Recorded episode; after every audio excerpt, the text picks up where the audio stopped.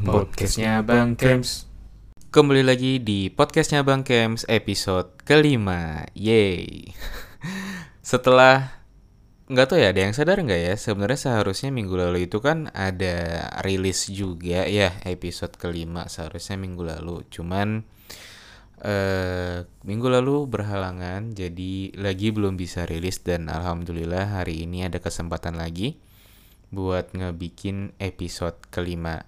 Seperti biasa, buat teman-teman yang mungkin belum mendengarkan episode keempat, kalau nanti setelah mendengarkan episode kelima ini masih ada waktu, boleh banget nih buat berkunjung ke episode sebelumnya, dengerin episode 4. Episode 4 tuh kalau nggak salah tentang hmm, apa tuh namanya tips belanja hemat.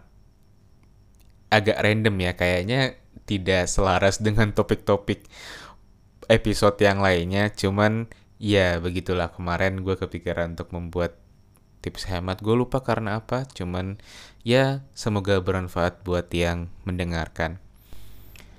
Nah mungkin di awal gue mau coba mulai dengan pembahasan kita ya tentang makna nih. Sebenarnya definisi makna itu uh, mungkin ada beberapa uh, definisi ya. Tapi kenapa gue tertarik untuk membahas makna? Karena si makna ini itu mungkin bisa jadi salah satu bahan bakar semangat kita untuk melakukan aktivitas tertentu sehingga kita lebih tanda kutip stabil nih semangatnya. Nah, gue kasih contoh sedikit deh. Mungkin kayak kemarin ya, pas bulan puasa. Apa alasan orang-orang selain yang memang untuk diwajibkan ya, memang eh, selain untuk yang orang yang diwajibkan berpuasa, apa alasan orang-orang itu mau menahan lapar atau mungkin bangun di sepertiga malam untuk beribadah, mengejar untuk hatam satu Quran 30 juz yang mungkin biasanya uh, tidak sepadat dilakukan di luar bulan Ramadan. Dalam artian di luar bulan uh, puasa di luar, di luar bulan Ramadan itu intensitasnya nggak sepadat seperti yang ada di bulan Ramadan. Karena apa? Kita punya alasan kenapa kita mau melakukan itu.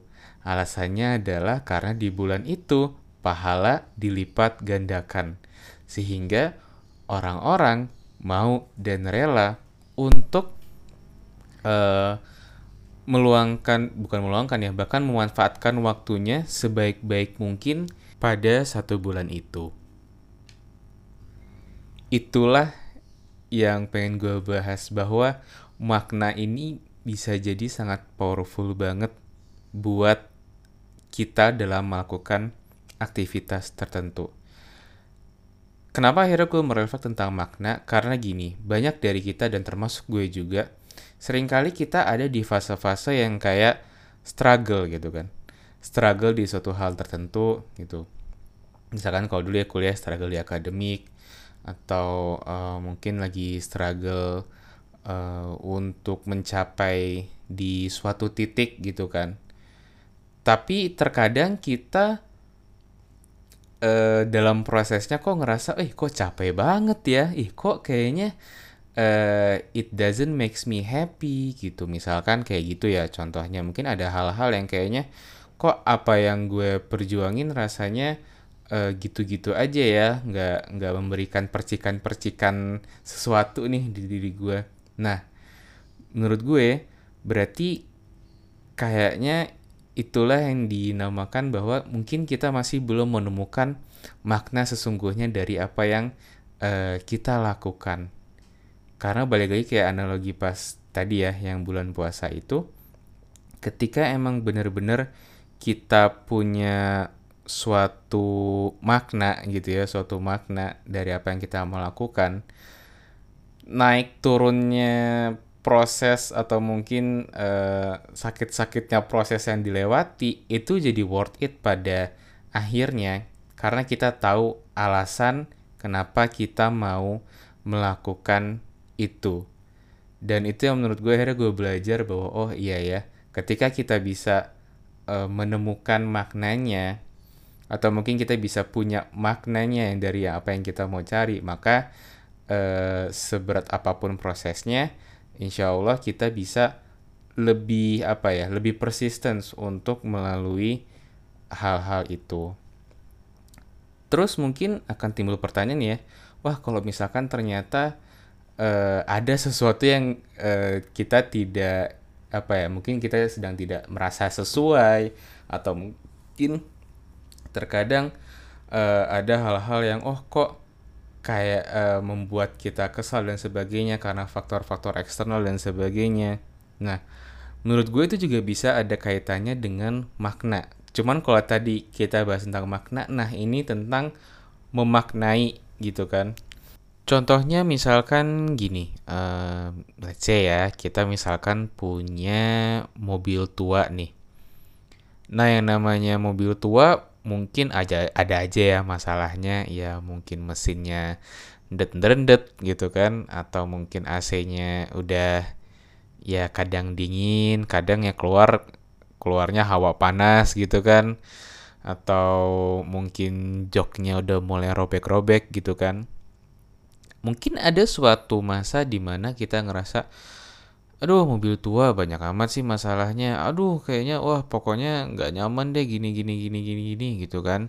Uh, di saat pada saat itu memang kondisinya adalah kita baru bisa untuk menggunakan atau mungkin baru ada mobil yang seperti itu aja. Di sisi lain mungkin kita bisa ganti uh, perasaan itu ya atau mungkin suatu kekesalan itu dengan kita mencoba memaknai bahwa oh ya walaupun demikian tapi bagaimanapun mobil ini bisa loh ngantar saya ke mana-mana. Bukan ngantar ya kayak ya bisa membawa saya ke mana-mana tanpa harus kehujanan dan setidaknya bisa uh, berkeliling kota. Terus wah uh, saya jadi bisa berhemat nih karena pajaknya juga pasti kan uh, setahu gue ya setahu gue mungkin jadi lebih murah kan karena uh, mobil tua juga gitu.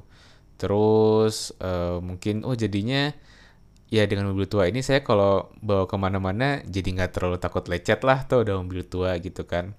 Kayak dengan kita memaknai itu sebenarnya walaupun mungkin hal itu tidak sempurna ya tapi sebenarnya sedikit banyak ada beberapa hal yang mungkin bisa menjadi hal-hal yang uh, ternyata tidak buruk juga kok apa yang kita uh, punya saat ini gitu kan dan bahkan mungkin masih banyak membawa kebermanfaatan untuk kita saat ini. Seperti itu sih kayak yang bisa gue share kali ini.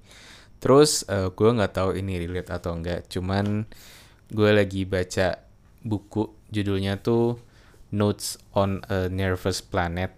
Itu karyanya Matt Matt Haig. Semoga nggak salah nama ya Om Matt.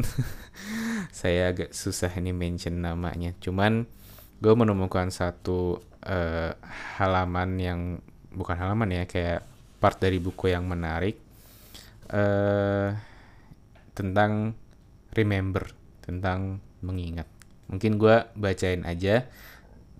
Tetapi uh, eh, gue nggak akan menerjemahkan atau mentranslate atau mungkin uh, memberi apa ya kayak kata-kata lagi setelah ini cuman silahkan dimaknai sendiri. Uh.